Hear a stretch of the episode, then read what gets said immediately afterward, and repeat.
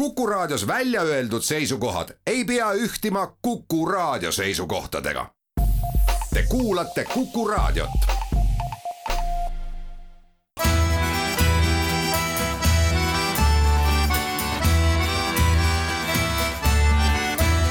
Kirillitsas Eesti tere päevast, head raadiokuulajad, eetris on Kirillitsas Eesti, saatejuhiks nagu alati Pavel Ivanov ja meil on täna sellist tüüpi saadet, kus üks inimene, külaline on stuudios ja selleks on Jevgeni Kristofovitš, tere Ženi! tere! ja teine inimene on meiega Narva-Jõesust side kaudu ühenduses ja ka saates, Karina Küpas, Narva-Jõesuu sanatooriumi juht, tere! jaa, tervitused Kurortlinnast jah, kuurortlinnas, see vaadates aknast välja, tõesti, see asi hakkab juba meelitama inimesi kuurortisse minevast. Äh, ja alustamegi nagu kuurortlinna teemadest, sealhulgas aga mitte ainult konkreetselt linnast, vaid ka regioonist. Äh, üks teema, mis on jõudnud muuseas ka juba Venemaa meediasse, on siis äh, see uue loodava koalitsiooni plaan eriesindajast Ida-Virumaal ja kui vaadata, kuidas see asi on sealtpoolt vaadatuna, teisel pool jõge, mis äh, sisuliselt piirneb kuurortlinnaga, Karina. Et äh, seal on see asi pakutud meile siis niimoodi, no ma ei tea, kas just meile, aga üldsusele siis niimoodi, et Ida-Virumaale luuakse selline koht, mille nimi on Nadziratel nad Ruskimi. Ehk siis äh, inimene, kontrolliv organ, kontrolliv inimene nende halbade venelaste üle ja miks nagu kontrollida on vaja neid venelasi, sellepärast et nii, kuidas on kirjutatud vähemalt Venemaa meedias, et põhjuse andsid valimistulemused, mis ehmatasid valitsevat Eesti eliiti. aga meil on siin ka koalitsiooni läbirääkimiste ühe osapoole esindaja sisuliselt, Jevgeni Kristofovitš Reformierakonnast, ja ma arvan, et ma alustuseks vist ei eksi, kui ma ütlen, ega ei ole ju veel paika pandud ei see ametikoht ja rääkimata sellest, et mingisugune ametijuhendit, ametijuhend ei ole ka veel koostatud. aga ma arvan, et ka Karinat kui aktiivset Ida-Viru regiooni elanikku huvitab Äh, siiski tõesti, et aga milles see mõte on, tähendab, et äh, ja seda on terve nädal aega ka venekeelne ajakirjandus siin Eestis vaaginud, et, äh, et ei ole nagu seda selget visiooni veel, et kas ta hakkab, mida tegema, et kas ta hakkab öö, korraldama võimu kehtestamist regioonis, kas ta peab olema mingi käepikendus, kas ta peab lahendama koha peal näiteks neid asju, millest äh,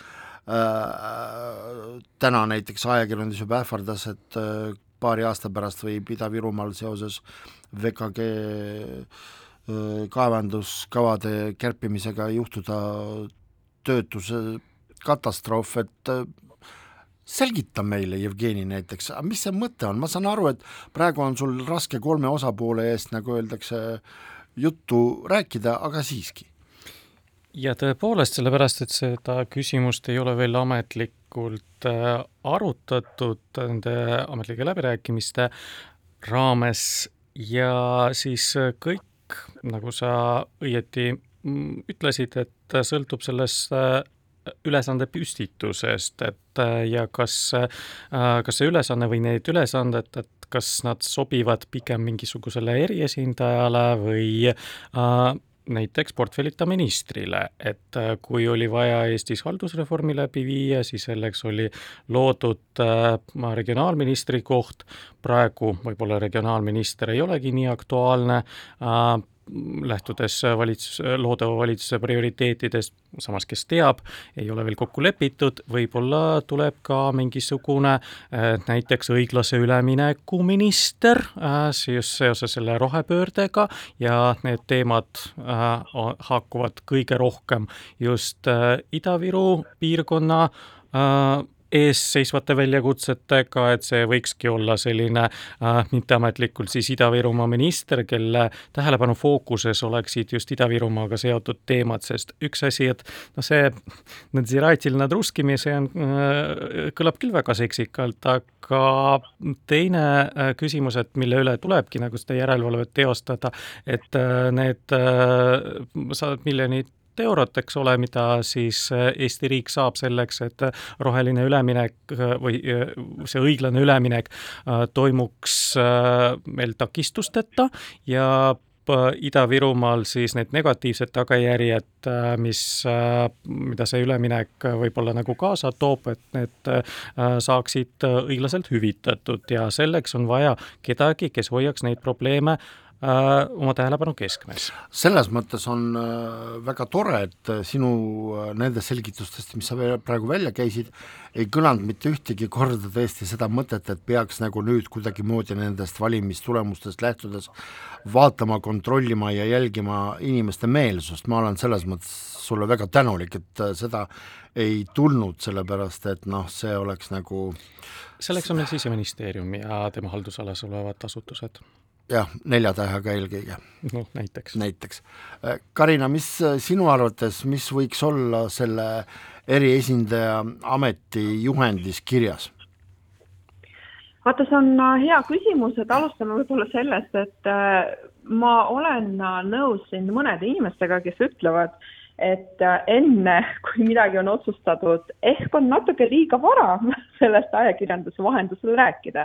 selleks, et kui me, me ei anna nagu mingit konkreetikat, siis äh, see tekitabki nagu sellist olukorda, et inimesed mõtlevad juurde, et mis see tegelikult nagu on. ja kui ma loen näiteks äh, noh, Narva linnapea arvamust, et äh, tema on ka natuke segaduses, et kes tuleb ja mis ülesanded ja, ja kus, kus tema töökoht on ja mis ta hakkab tegema ja nii edasi, nii edasi, siis tegelikult oleks võib-olla pidanud ja oleks võinud arutada seda, noh, mitte ma ei ütle, et suletud uste taga, aga võiks nagu kaasata kaasata neid Ida-Viru omavalitsuste juhte ja siis nagu küsida, et noh, et mis teie siis nagu arvate, et kust vajate seda abi, et meie näeme, et see võiks olla selline, aga mis teie arvate? sellepärast, et äh, mina kui Narva elanik ja noh, mina töötan äh, Narva-Jõesuus ja mina ütlen nii, et äh, vähemalt nagu Narva-Jõesuu ja Narva kohta, nende linnapeade kohta ma võiks öelda, et nad on väga tublid ja tegusad inimesed, nad on visionäärid, nad on väga hästi kursis sellega, mis siin toimub, nad väga hästi teavad nendest probleemidest, probleemidest ja väljakutsetest.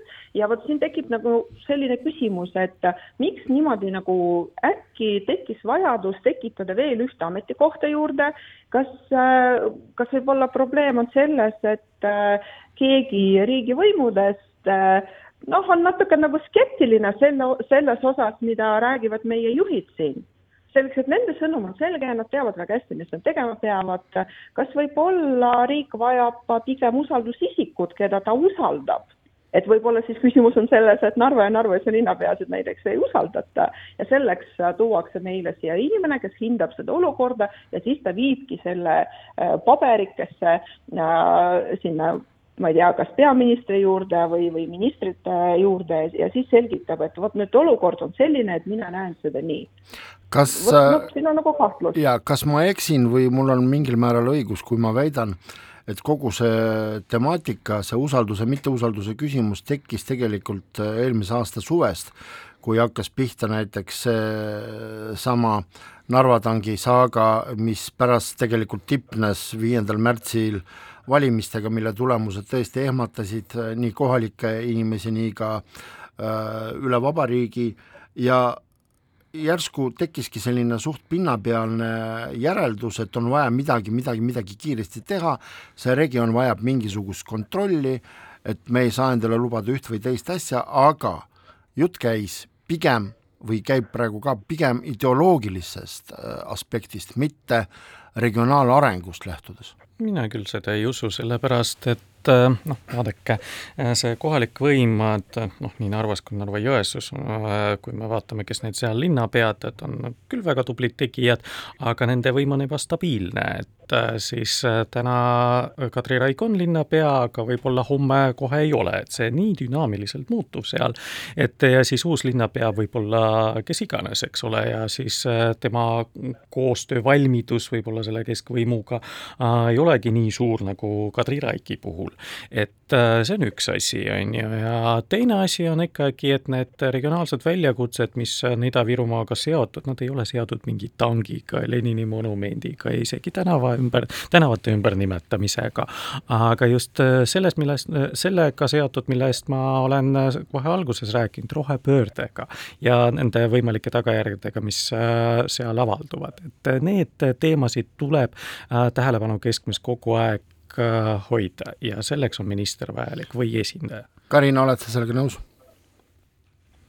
no ütleme nii, et äh, nii ja naa, et siin tekibki nagu selline jällegi küsimus äh, pinna peale, et see on nagu usaldus, et äh, kas me usaldame Narva ja Narva-Jõesuu elanikke nii palju, et, et me neid usaldame et ma, ma olen nagu nõus sellega absoluutselt, et see rohepöörde küsimus, ta on nagu niivõrd tähtis et ta, ta peakski olema riigi tasandil esindatud. et ma olen sellega sada protsenti nõus, selleks et kui me vaatame seda, mis tulevik võib tuua, siis muidugi see töötuse määr, mis ja muidugi inimesed on natuke paanikas ka selleks, et nad ei tea, et mis see tulevik toob, et aeg ju läheb kiiresti. et muidugi ma olen nõus sellega, et, et võiks olla selline inimene, kes näiteks käib mööda maailma ringi ja kaasab ja noh, vähemalt üritab kaasata investeeringuid selleks, et kui me räägime rohepöördest, siis me ei vaheta lihtsalt ühte tehast teise vastu, meil on vaja, et need äh, ettevõtjad, kes soovivad neid tehaseid või, või mis iganes asju rajada, et nad tekiksid kusagilt. et see on jah, absoluutselt, ma olen nõus sellega, et võib-olla üks inimene lisaks äh, ongi väga kasulik, aga ikkagi me räägime nagu mingil määral ka usaldusest, et ähm, noh, ei tea, kas see tähendab nüüd seda, et linnapeadel hakkab olema vähem võimu või kuidas siis edasi, et kui praegu Kadri Raik on okei okay, ja pärast tuleb keegi teine, kes me arvame, et ei ole noh, suht usaldusväärne, siis kuidas me teda hakkame mõjutama või no vot siin tekivad nagu sellised väiksed momendid, mis panevad nagu inimese mõtlema, et, et ikkagi, mis ülesandega on tegemist selle inimese puhul. küll me usaldame, aga nagu vene vanasõna ütleb, de virei no provirei.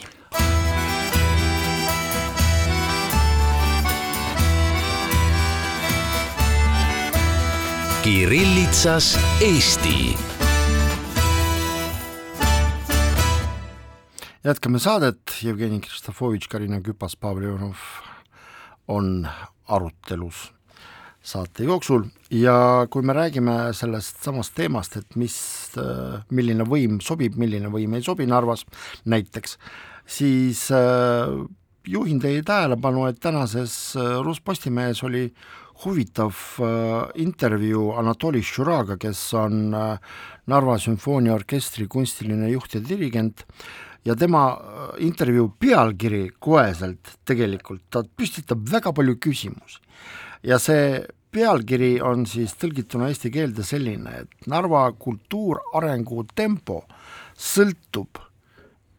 nii nendest otsustest, mida võetakse vastu Tallinnas. ehk siis senine äh, diskussioon Karina ja Jevgeni vahel, et äh, ikkagi sõltub, äh, kes on meil linnapea ja kuidas ta suhtub ja, ja suhtleb keskvõimuga, tuleb välja, et sellest ei sõltugi nagu midagi, et tegelikult sõltub kõik sellest, milliseid otsuseid sealhulgas ka Narva kohta tehakse Tallinnas ma arvan, et äh, see on täiesti õige tähelepanek, et äh, mitte ainult loomulikult, et noh, kohalikel, kohalikel omavalitsustel on väga piiratud eelarve seal piirkonnas, me teame, kui palju tulumaksu seal ikka makstakse ja siis, kust nad raha võtavad. aga selleks, et äh, noh, Narvas uued kultuuriobjektid näiteks tuleksid, et vabast lavast alates ja siis ma ei tea, muuseumini välja, et siis on väga, väga palju selliseid investeerimisi, investeerimisvajadusi ja siis noh, kas äh, see on kõik äh, keskvõimu kesk, äh, tähelepanu keskmes, et kas Kultuuriministeerium ja teised asjasse puutuvad ministeeriumid ikkagi peavad Narvat ja Ida-Virumaad, üldse Kirde-Eestit selliseks oluliseks piirkonnaks, kuhu investeerida, et see on, see on väga-väga oluline, et ka rohepöörde kontekstis see on väga oluline, sellepärast et seal on ka oma kuuskümmend miljonit selleks ette nähtud, et piirkond atraktiivsemaks muuta ja siis see, et see piirkonna atraktiivsus oleks tõepoolest nagu väga efektiivne, selle muutmine oleks väga efektiivne, siis jah, tõepoolest on vaja, et need otsused oleksid kaugele vaatavad. Karina, kas saab sellest Anatoli Tšura intervjuust välja lugeda ka seda, et tegelikult no okei okay,, jah, ta puudutas konkreetselt kultuurielu, aga kas laiemalt võiks nagu seda intervjuud tõlgendada kui teatud määral äh, nõrka kohalikku valitsemist äh,, mis ei taga võib-olla seda arengut näiteks regioonis või linnas, Narva linnas näiteks, täpselt nii, kuidas tegelikult elanikud seda ootaksid ise tead, no ma ütlen sulle niimoodi, mina kui ettevõtte juht ja ettevõtluse esindaja, et areng võrdub sõnaga raha. kui sul on raha, siis sul on arengut, kui raha ei ole, siis mida sa seal arendad, on ju. ja siin nagu noh, ma, mina näiteks loen sellest äh, intervjuust nagu pigem sellest artiklist, jah, ma loen, ma loen nende soovi, et äh, kultuuriüritused oleks rahastatud, näiteks riigi tasandil tuleks raha kuna Narval lihtsalt selline raha puudub. ja siin ma olen absoluutselt nõus, et, et jah, et mis siin salata, et kui Narvas räägitakse ja unistatakse sellest, et tehakse, ehitatakse uus haigla, tehakse uus polikliinik näiteks, et tehakse korda koolid ja lasteaiad, noh, see paneb nagu inimesi rohkem muretsema kui näiteks mingisugune kultuuriline etendus et see on nagu selge, et kui Narval seda raha jätkuks ja jaguks kõige jaoks, siis ei oleks seda küsimust, on ju. et küsimus ei ole ju selles, et inimesed ei taha kultuuri tarbida, et nagu jällegi siin artiklis on kirjutatud, et nende saalid on alati välja müüdud ja narvakad ja mitte ainult, äh, nemad külastavad äh, neid äh, kohtumisi nagu väga hea meelega, aga see on jällegi küsimus rahas, et, et muidugi, kui me räägime nüüd sellest usaldusisikust, isikust riigi poolt, et kui tema võtaks ka seda enda hallata mitte ainult ainult, et ta pööraks rõhku nagu rohepöördele. Ja kui tõesti need sõnumid jõuaks äh, äh, ma ei tea, kas ministrite laua peale, et kuulge, et me vajame siin natuke rohkem rahastust, kui Narva linn või Narva linn saab pakkuda, siis oleks ju fantastiline. siis me saaks arendada nii üht kui teist kui kolmandat ja muideks ettevõtlus on ka üks väga tähtis asi, millest me peaksime rääkima ja millest ma, ma loodan, et me räägime ka tulevikus, kuna tulumaks, kust tuleb, see tuleb ikkagi äh, noh, inimeste taskust. Ja mida rohkem inimesed palka saavad, seda, seda rohkem linnad saavad raha, millega nad saavad jällegi toimetada ja kust see areng tuleb. Jah, mida rohkem seal töökohti ja mida rohkem seal palka inimesed saavad, seda suurem on tulumaksu laekumine. sellest, sellest ka me veel natukene räägime pisut hiljem, aga veel üks arvamus sel nädalal, mis oli Narva teemal, on publitsist Vadim Stepa sulest kelle arvamuse kohaselt, et äh, kui me räägime äh, Ida-Virumaa täisväärtuslikust reintegratsioonist, pange tähele, mitte integratsioon, vaid reintegratsioon, et Eesti võimud võiksid mõelda selle peale, kuidas populariseerida kohalike inimeste äh, mõtetes euroopalikke õiguslikke kultuurseid, kultuurinorme. ehk siis teisisõnu võib nagu seda kõike tõlgendada niimoodi, et Ida-Virumaa inimestele on vaja osutada abi, et nad tunneksid ennast eurooplastena. siit vaikus, et arenda palun nüüd. palun teie arendage seda, kas Ida-Virumaa inimesed ei tunneta ennast eurooplastena või kas see mentaalne, ma saan aru, et tegelikult autor Vadim Stepa arvas tõesti sellest mentaalsest mingisugusest probleemist ja millised väärtused on, milliseid väärtusi ei ole aga mis me arvame sellest, kas Ida-Virumaa inimestele on vaja aidata, et nad tunnetaksid ennast eurooplastena? oi, teate, äh, võib-olla see, mida ma räägin praegu, ei ole poliitiliselt korrektne, aga ma ikkagi räägin välja, mida ma mõtlen. Äh, me liiga palju, me üle dramatiseerime seda, mis seal Ida-Virumaal aeg-ajalt toimub, et kui me loeme kusagil äh, Postimehe veergudel või üldse kusagil nagu sellises nagu kesk, pressis, et äh, kui mainstream ajakirjandus. mainstream ajakirjandus, või no jaa, üleriigilist pressis ma, äh, ajakirjandust ma mõtlen, et äh, mingi sellised kas või Narva linnapea arvamusavaldusi, et kaheksa, kaheksandal märtsil Narvas on mingi riigipüha või see, see koht, kus see õnnetu tank seisis, on mingi, mingi püha koht, teatud narvakate jaoks või mingi muu, eks ole, jama, siis vabandust, et see aeg-ajalt nagu tekib selline, selline tunne, et see piirkond vajab reintegreerimist või midagi sellist ja kui sinna tulevad veel need valimistulemused suurepärased, siis peale siis paanika, vaata kui suur. et aga noh, mina arvan, et see on kõik no nii, esiteks no nii ajutine ja nii selle, selles mõttes kõik nagu üle, üle dramatiseeritud ongi nagu asjaolud, siis millele ei peakski väga tähelepanu, tähelepanu pöörama ja siis keske, keskenduma peaks noh, mingitele nagu teistele väljakutsetele, mida me siis selle saate esimeses osas just arutasime. aga see, mis, mis need võib-olla dramaatilised, dramaatilised siis apihüüed seal, sealt kõlavad, et need ei olegi nii tähtsad. Karina? oi, ma ei tea, mul tek-, tõesti noh,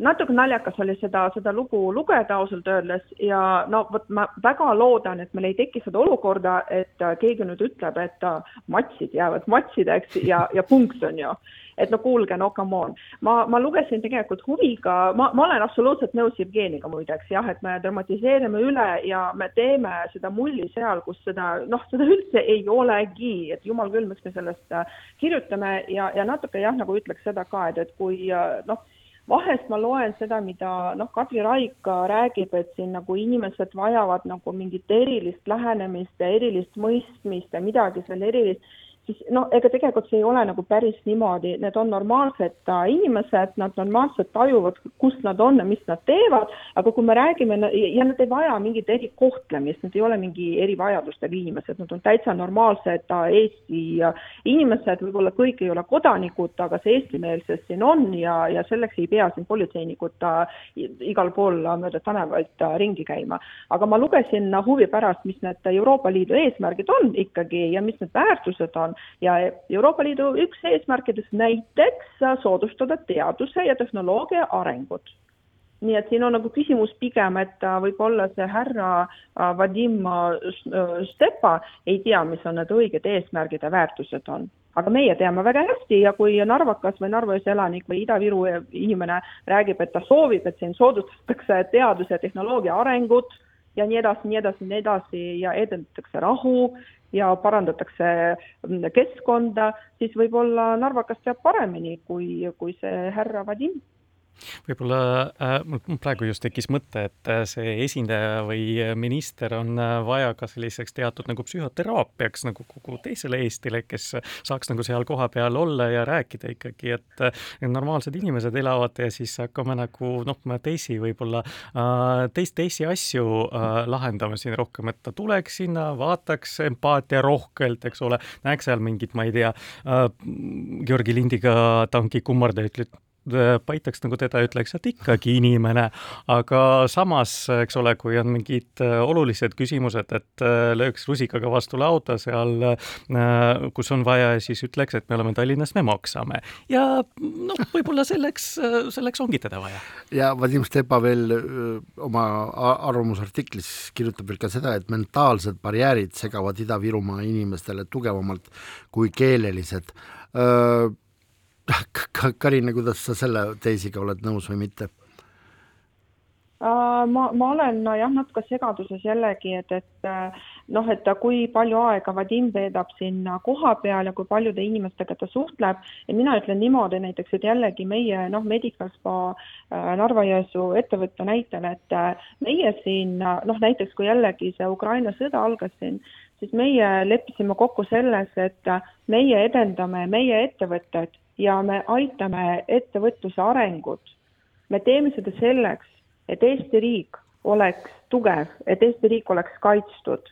ja see raha, mis tuleb meie taskustesse, ju läheb jällegi maksude näol Eesti riigile. ja me teeme seda selleks, et meie riigil oleks hea ja me leppisime kokku, et vaatamata sellele, kellel on mis pass ja mingi mentaalne seisund ja nii edasi, nii edasi, et me teeme seda selleks, et tegelikult meil on üldine armastus, meil on armastus selle koha vastu, meil on armastus riigi vastu. Et, et ja millest räägib Vadim, see on hoopis teistsugune nägemus ja ma ausalt öeldes ma lihtsalt ma ei oska isegi öelda, et kust sellised arvamused tulevad, et asi on nagu selles, et kui üks inimene tahab midagi väga uskuda siis ta usub sellesse ja me nägime seda siis, kui meil oli pandeemia ja olid inimesed, kes tahtsid vaktsineerimist, olid inimesed, kes olid sellele vastu. Ja need, kes olid vastu, ega nendele ei mõjunud mitte üht, ükski asi, ei teadusartikkel, ei arsti jutt, ei midagi muud. Nad uskusid seda, mis nad tahtsid uskuda ja oligi kõik. Ja vot nüüd nende inimeste puhul ma kardan, et siin on ka samasugune lähenemine, vot mina usun, et teil on see niimoodi, mina saan võimaluse sellest rääkida ja mina räägin, aga meie näeme hoopis teist pilti ja selles on probleem. ja ma arvan, et lõpetuseks võib, äh, selle teema lõpetuseks võib öelda seda, et äh, kui me tahame näiteks Ida-Virumaad või Narvat aidata, siis vähem ideoloogiat, rohkem inimlikkust.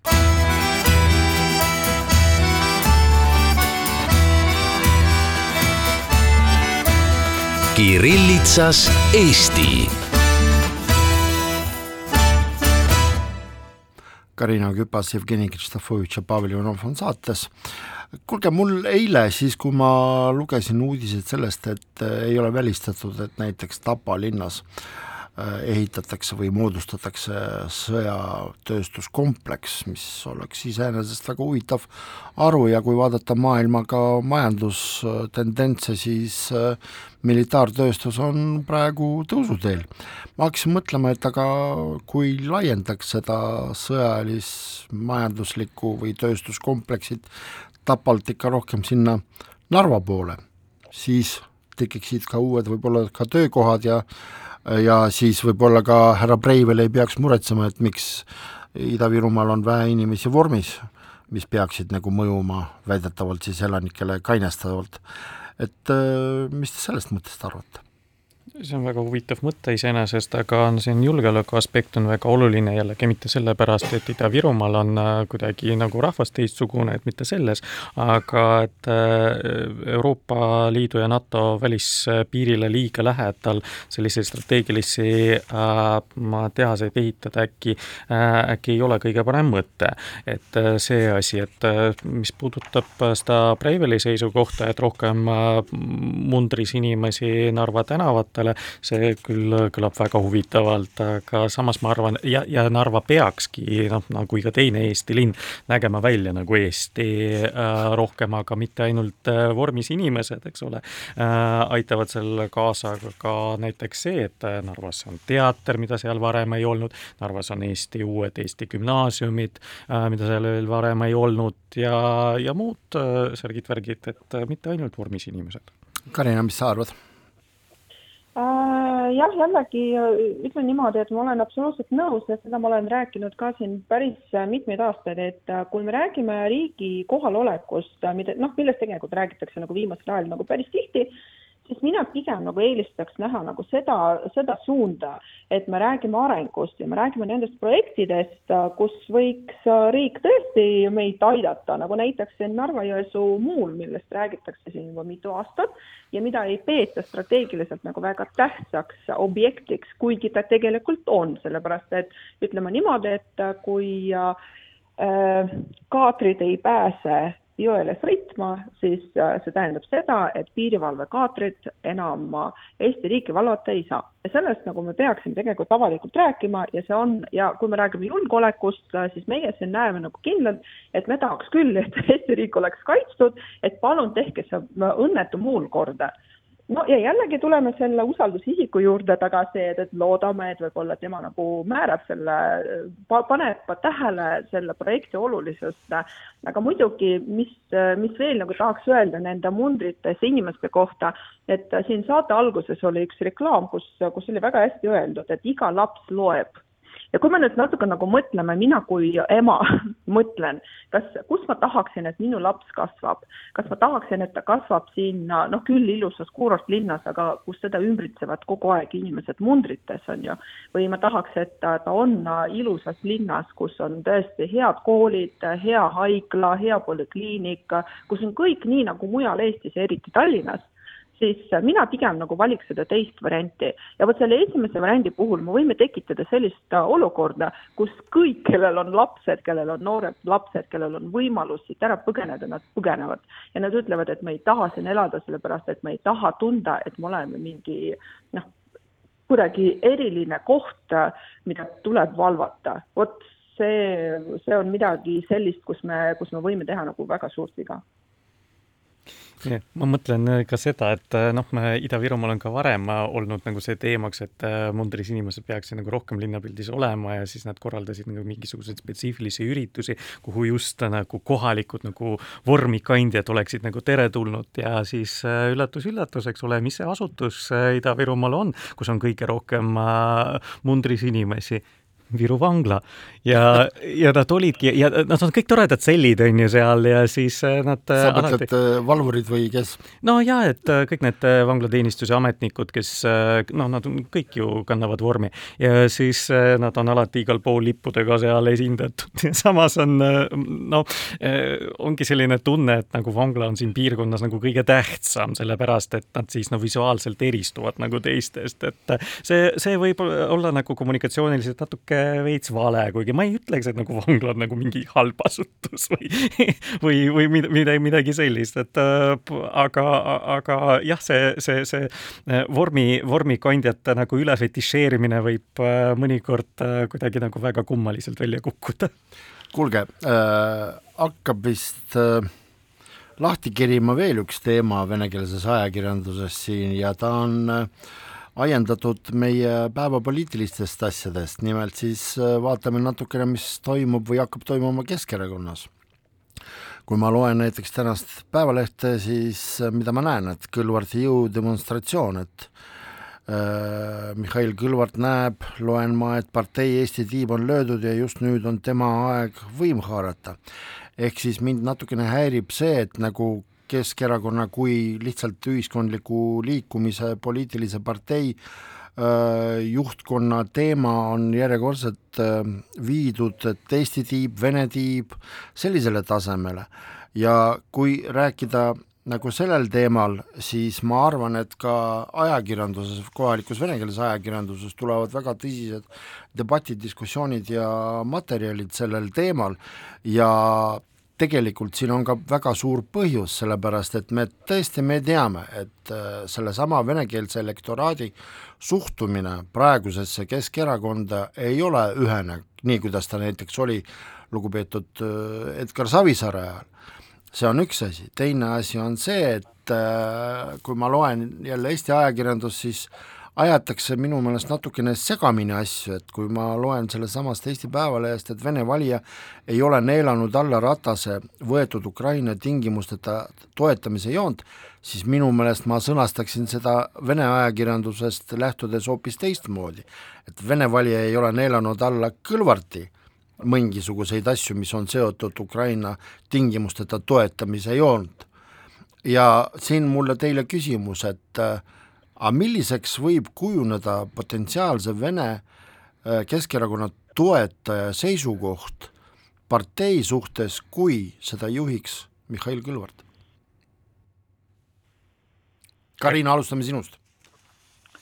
ma kardan, tead jah, ma siin istun ja mõtlen ja, ja ma mõtlen seda, et ma, ma saan aru absoluutselt sellest, et ta kõrvalti süda valutab nüüd Keskerakonna pärast, et et muidugi nende need tulemused olid nii kehvad ja, ja noh, Kõlvart on ju noh, tubli mees, et vähemalt mina, kui külastan Tallinnat, siis ma näen küll, kui, kuidas Tallinn õitseb ja ja tundub nagu kõik oka, et, et mina muidugi neid sisemänge ei tea,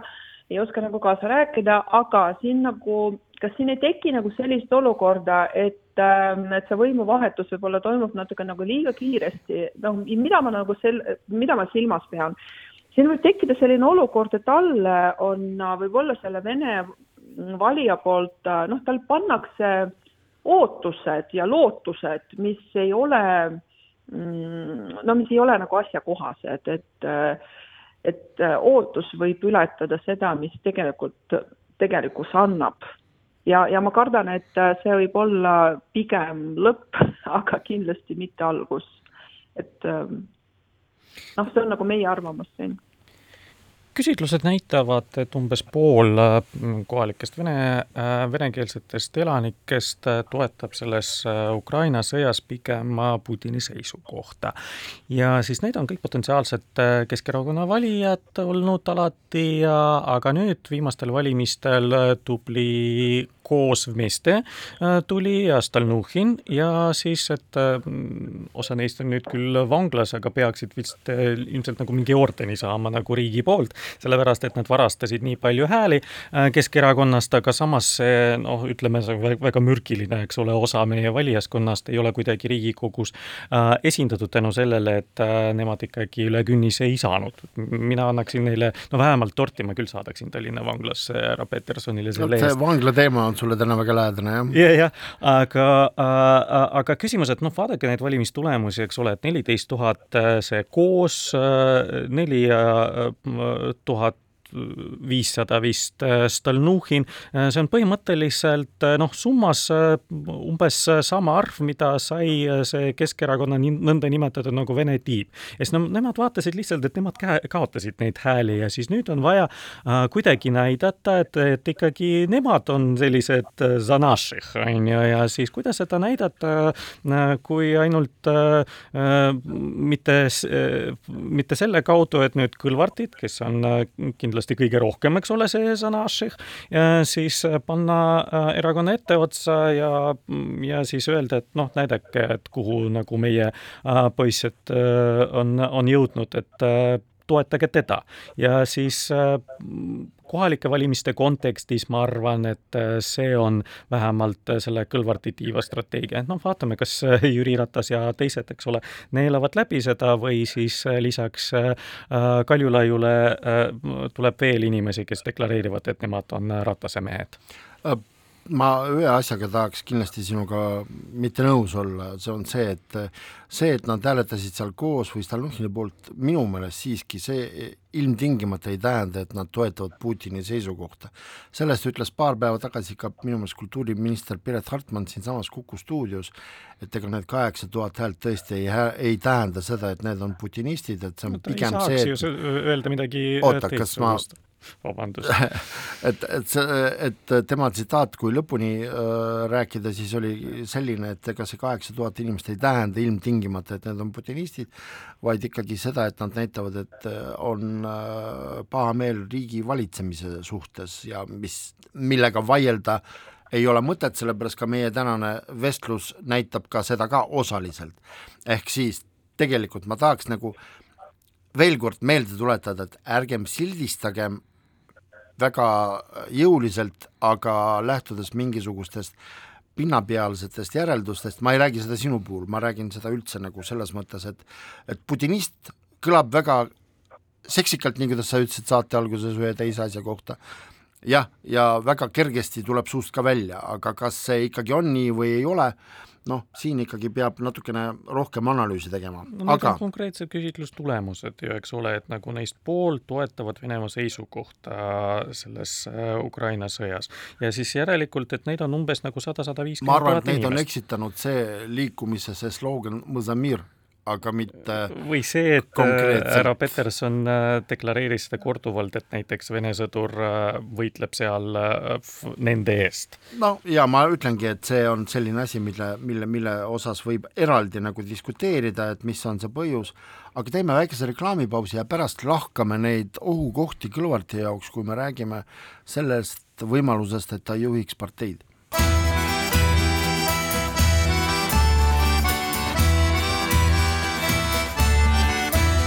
Kirillitsas Eesti. jätkame saadet ja kohe tahaks öelda ka veel seda, et ega sellest ei pea mingisuguseid järeldusi tegema,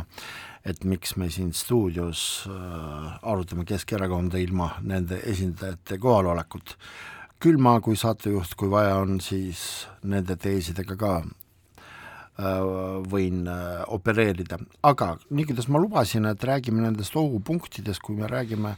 Mihhail Kõlvarti võimalikust Keskerakonna liidrikohast. Ja paratamatult jah, me peame tõesti vaatama seda ka lähtudes sellest, kuidas oli ka Eesti Päevalehes kirjutatud, on olemas Eesti tiib, on olemas venekeelne tiib. Ja ega siis tegelikult ega Kõlvarti positsioon venekeelse elanikkonna silmis, kes toetavad Keskerakonda, pole ka niivõrd üheselt roosiline. tuletage meelde kas või need asjad, et on olemas neid inimesi, kellele ei meeldi see, et Mihhail Kõlvart kui linnapea andis loa, et saaks Vene saatkonna ees korraldada inimeste arvates igasuguseid palagane, on olemas neid, kes siiamaani ei suuda andestada talle ka näiteks seda, et ta käis Lvivis, on ka neid, kes, kellele ei meeldinud see, et Kõlvart andis loa sellesama äh, purunenud tangi ekspositsiooniks Vabaduse väljakul, on olemas teisi põhjuseid, miks äh, kellelgi on tema vastu vimm, et äh, kas on oht, et kui näiteks Mihhail Kõlvart satub Keskerakonna juhiks, et siis selle erakonna puhul tõesti hakatakse rääkima, et ta on ühe või siis teise rahvuslikul pinnal elektoraadi esindaja? Suure tõenäosusega kindlasti, sellepärast et noh, ma, mis puudutab äh, neid venekeelseid äh, valijaid, kes on siiani Keskerakonda valinud, siis äh, vaevalt midagi negatiivse negatiivseks muutub, sest nad lihtsalt vaatavad jällegi, et noh, ma, et kuhu, kuhu on meie, meie Miša nüüd on jõudnud, aga mis puudutab nagu eestlasi, siis nad hakkavad lihtsalt värskele erakonna esimehele rohkem esitama neid küsimusi, mida nad varem kuidagi ei esi-, ei esitanud, lihtsalt et oli nagu selline munitsipaalpoliitik, et miks ikka peab seda Seligeeri asja või siis muud Äh, värke või siis äh, tema kontakte Vene saatkonnaga ja äh, noh, selliseid teemasid liiga palju äh, siis arutama, et need ei olnud ju Tallinna kommunaalmajandusega seotud, et oli võimalik silmad kinni pigistada ka siis, kui tegemist oleks kas või formaalselt peaministri kohale nagu pürgiva inimesega, siis need teemad muutuvad äh, number üks teemadeks ja siis kõik, kõik muu äh, oleks äh, teistjärguline ja üldse vähetähtis. ja siis noh, ma ei kujuta ette, mida Kõlvart siis vastaks. Karina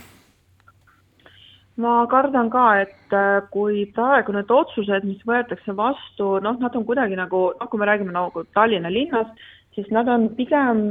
noh, Kõlvart võib öelda küll, et ta on nagu Tallinna linna poolt ja ta teeb seda selle linna heaks ja kuidagi tema need äh, sammud on noh, pigem nagu neutraalse pinnaga. kui temaga tuleb ja jällegi talle pannakse noh, selline silt külge, et, et ta, et ta on just nagu, just nagu Vene elanikkonna esindaja, noh, kellega on sellised ja sellised probleemid, siis äh, noh, ikkagi pahatihti inimesed äh, kipuvad sildistama ja siis hakatakse uurima, et mida see üks või teine otsus, et millega, miks, miks see on niimoodi tehtud, et mis on see tagamaa, kas seal ei ole mingit kuritegelikku mõtet taga ja nii edasi. et ma pigem arvan, et äh, see tuleb talle kahjuks. ma. kas talle kahjuks või erakonnale kahjuks? Ma pigem arvan, et talle kahjuks, et erakonnal praegu ei ole niikuinii midagi kaotada, et nad on kaotanud kõik, mis nad kaotasid, nii et pigem nagu mõelda ikkagi selle agenda peale, et, et mis sõnumiga nad välja tulevad. Ja, ja üks muidugi probleemne koht on ka see, et ma siin lugesin ühest artiklist, et kõrvalde kohta arvati seda, et, et jah, et väga suur oht, et ta kaotab eestikeelseid valijaid. Ehm, vot huvitav nagu, mispärast nad seda arvavad, kas sellepärast, et Kõlvart ei ole nagu noh, nagu eestlane või siis, või seal mingi muu põhjus taga, et seal on väga huvitavad sellised nagu mõtted ja ideed, mis tekivad seoses tema sammudega praegu, kus ta pürgib nüüd äh, esimeheks. ei no kindlasti küsimus ei ole tema rahvuses äh, või, või emakeeles, on ju, aga küsimus on tema meelsuses. ja kui praegu ta võib osa,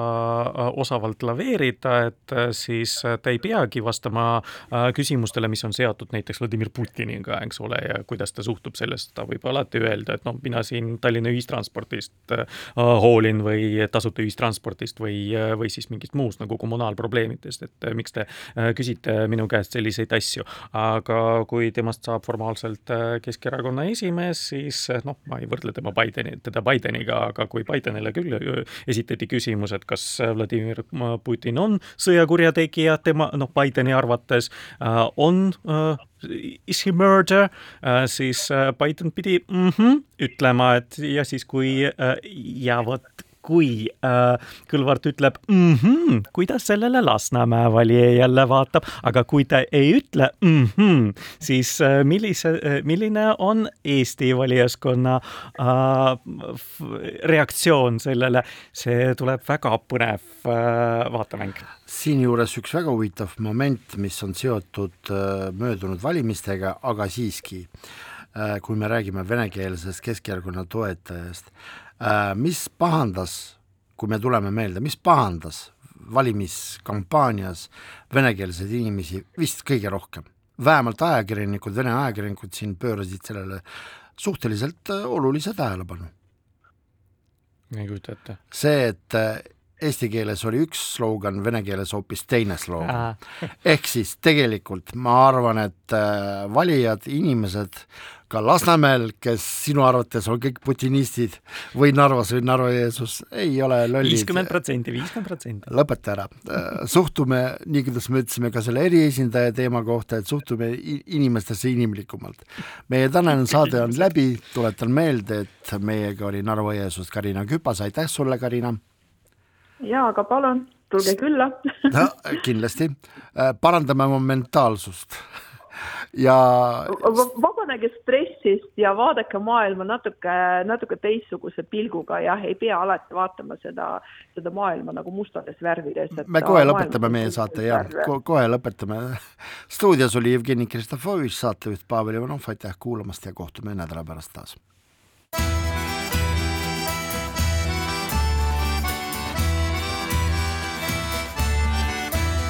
Kirillitsas Eesti